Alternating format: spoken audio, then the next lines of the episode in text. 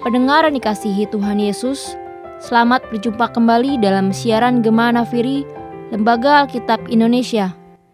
Firman Tuhan yang akan kita baca dan renungkan bersama diambil dari 1 Timotius pasal 6 ayat 6 sampai 21. Demikian firman Tuhan.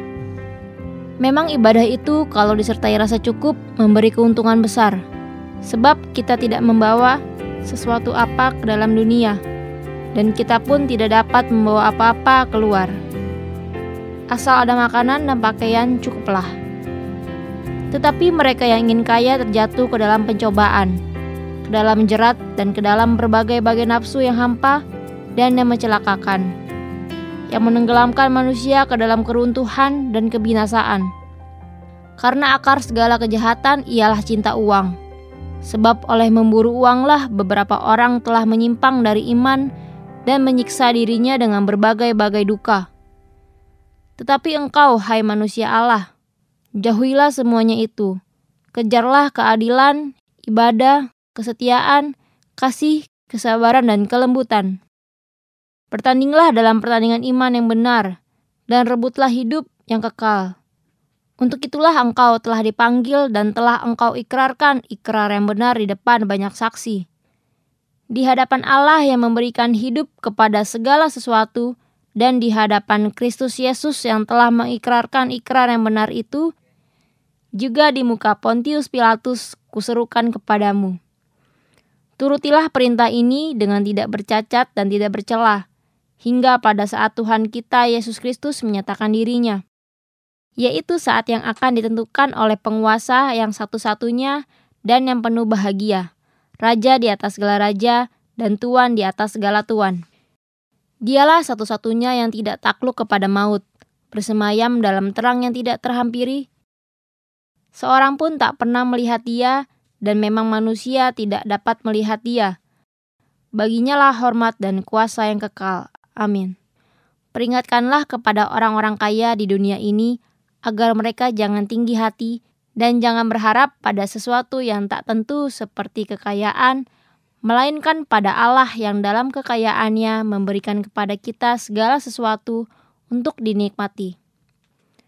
Peringatkanlah agar mereka itu berbuat baik, menjadi kaya dalam kebajikan, suka memberi dan membagi, dan dengan demikian mengumpulkan suatu harta sebagai dasar yang baik bagi dirinya di waktu yang akan datang untuk mencapai hidup yang sebenarnya.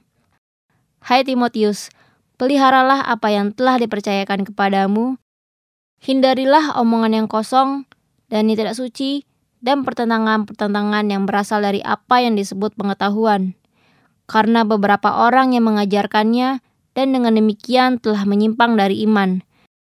Kasih karunia menyertai kamu. Tanpa kita sadari, beberapa tahun belakangan ini terjadi krisis etika dalam kehidupan manusia. Zaman yang serba cepat dan instan membuat manusia mudah kehilangan kesabaran. Begitu juga dalam dunia kerja. Masyarakat mulai kehilangan moral dan keserakahan menjadi prinsip utamanya. Menyikapi hal-hal tersebut, apakah yang dapat diperbuat anak-anak Tuhan? Apakah kita akan mudah terseret arus ataukah mampu mempertahankan diri agar tidak mengikuti arus? Tidak dapat kita hindari, terkadang kita dihadapkan dengan berbagai persoalan yang membuat kita harus mengambil sikap yang jelas dan tegas. Dosa mempengaruhi berbagai aspek kehidupan manusia, termasuk di dalam dunia kerja. Bahkan, kita tidak perlu lagi terkejut tentang kemungkinan terjadinya kegagalan moral. Kita sadar tempat kerja sangat kompetitif, menuntut kita menyampingkan sebagian dari nilai dan kebajikan, seperti kasih, belas kasihan, bahkan keadilan. Namun apakah kita yang mengaku mengikuti Kristus juga melakukan hal-hal yang sama dengan dunia? Oleh sebab itulah kita perlu bertindak bijaksana agar kita mampu menjaga kemuliaan Tuhan melalui hidup kita. Kita harus bersungguh-sungguh dalam bekerja, karena apa pun yang kita kerjakan adalah untuk Tuhan. Karena tidak ada hal dari hidup kita yang luput dari pemeriksaan dan arahannya. Mengikut Kristus bukan sesuatu yang kita khususkan hanya di akhir pekan, tetapi panggilan sepenuh waktu. Etika baik tidak dapat ditawar lagi. Menaati hukum belum membuat kita melakukan apa pun yang terpuji secara moral. Etika berhubungan dengan nilai-nilai, bukan dengan hukum. Perusahaan dapat menolong para pekerja dengan mendidik mereka tentang integritas dalam area pekerjaan dan membangun kesadaran para karyawan supaya melakukan etika kerja dengan sebaik mungkin. Peran serta perusahaan dan para pemimpinnya juga sangat besar sehingga karyawan dapat mengaplikasikan etika yang baik dalam dunia kerja.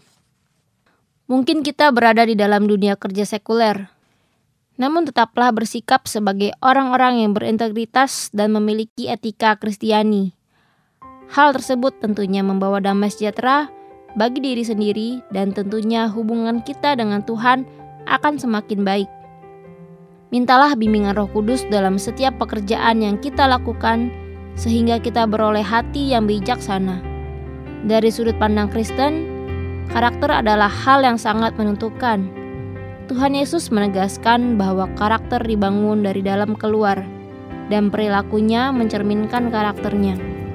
Perilaku adalah hal yang kita keluarkan, dan karakter mencerminkan keadaan di dalam hidup manusia.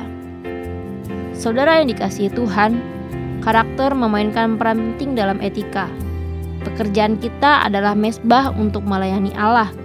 Sebabnya, memiliki integritas tidak bisa ditawar lagi.